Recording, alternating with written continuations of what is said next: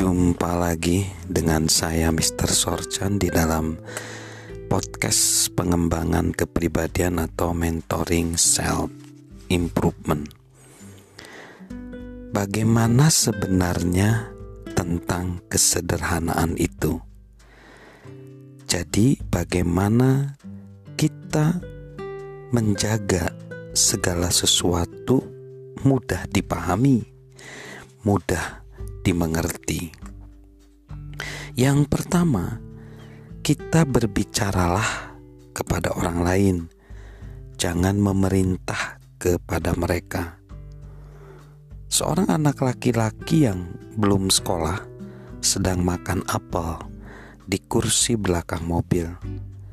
Ayah, ia berkata, "Mengapa apelku berubah jadi coklat?" Ayah itu menjelaskan, karena setelah kamu makan kulitnya, daging apel itu akan bersentuhan dengan udara yang menyebabkan teroksidasi. Itu mengubah struktur molekulernya dan mengubahnya menjadi warna yang berbeda. Ada, kehin ada keheningan yang lama, dan kemudian anak itu bertanya, "Ayah, apakah ayah sedang berbicara kepadaku?" Banyak orang merasa seperti itu saat seorang menjadi pembicara atau pemimpin atau komunikator ketika menyampaikan ide-ide yang rumit tanpa melakukan usaha untuk menjelaskannya dan menyederhanakannya. Saya tahu karena saya juga terkadang berposisi sebagai pendengar saat itu, itu berarti komunikator tersebut tidak mengerti bahwa menembak di atas kepala orang-orang tidak berarti kita memiliki amunisi yang lebih baik. Itu berarti kita adalah penembak yang buruk. Jadi, kalau kita pengen kelihatan misalnya pinter, brilian, tetapi tidak bermanfaat bagi siapa pun, sebenarnya kita tidak efektif, tidak efisien.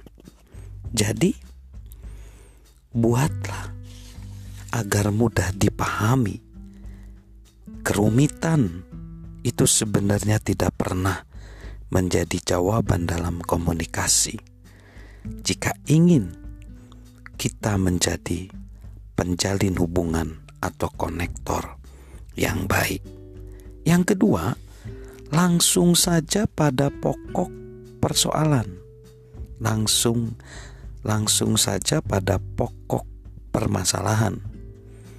Seorang wanita sedang siap untuk meninggalkan kantor seorang dokter dengan pandangan yang aneh. Apakah ada masalahnya? Tanya dokter itu.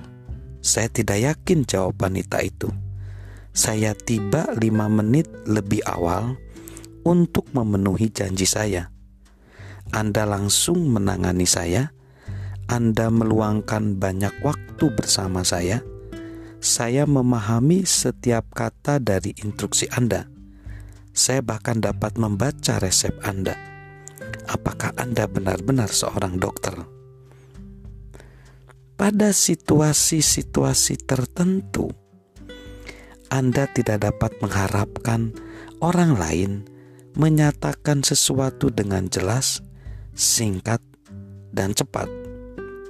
Pada saat-saat lain, Anda bisa mengharapkannya.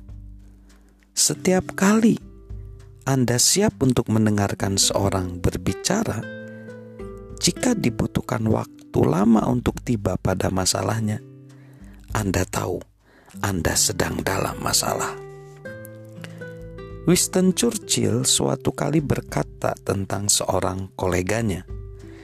Ia adalah salah seorang orator yang sebelum berdiri tidak tahu apa yang ia katakan. Saat ia sedang berbicara, tidak tahu apa yang sedang ia katakan. Dan saat ia duduk, tidak tahu apa yang sudah ia katakan. Suatu dakwaan yang dahsyat. Saya pernah mendengarkan beberapa komunikator juga seperti itu. Apakah Anda semua pernah dengar? Sayangnya, saya juga pernah jadi yang seperti itu. Saya pengen kelihatan pintar dan hebat, tetapi saya tidak langsung kepada pokok permasalahan karena pengen saya dipuji sama audiens saya. Penggubah drama Yunani Euripides mengamati pembukaan yang buruk menghasilkan penutup yang buruk. Tentu saja, waktu untuk mulai memikirkan tentang alasan untuk komunikasi kita adalah sebelum kita mulai berbicara. Tom Errington, pendiri dan CEO dari Prasco Pharmaceutical Company, dia membahas banyak hal, terutama tentang panggilan-panggilan telepon yang sulit yang harus dilakukan oleh para pemimpin. Dia berkata, "Saat saya menemukan seseorang dalam perusahaan saya yang tidak bekerja dengan baik, saya mengajukan dua pertanyaan kepada mereka. Pertama, apakah Anda masih ingin tetap bekerja? Itu membuat mereka mengetahui bahwa ada masalah. Kedua, apakah Anda ingin saya menolong Anda? Itu membuat mereka mengetahui bahwa saya rela menolong. Nah, itu langsung pada pokok persoalan. Jujur, sebagian orang lebih memilih orang lain berbicara langsung kepada mereka mereka memilih pendekatan langsung khususnya dalam situasi sulit. Dalam hal ini mengingatkan saya akan kisah lucu tentang seorang pegawai yang berada dalam suatu masalah sulit. Kita katakan saja namanya Sam. Setiap orang kecuali dia di sebuah perusahaan kecil di mana ia bekerja keras telah mendaftarkan diri untuk rencana pensiun yang baru di mana para pegawai akan dituntut untuk menyumbangkan sejumlah kecil uang secara berkala. Tetapi perusahaan itu akan membayar sisanya dan biaya-biaya lainnya. Hanya ada satu persyaratan. Rencana itu akan diimplementasikan hanya jika ada 100% partisipasi dari semua pegawai. Semua orang mengusahakan segala sesuatu untuk meyakinkan Sam untuk mendaftarkan diri. Rekan-rekan kerjanya memohon kepadanya dan mendesaknya. Atasannya berusaha untuk membujuknya tetapi Sam tidak mau mengalah.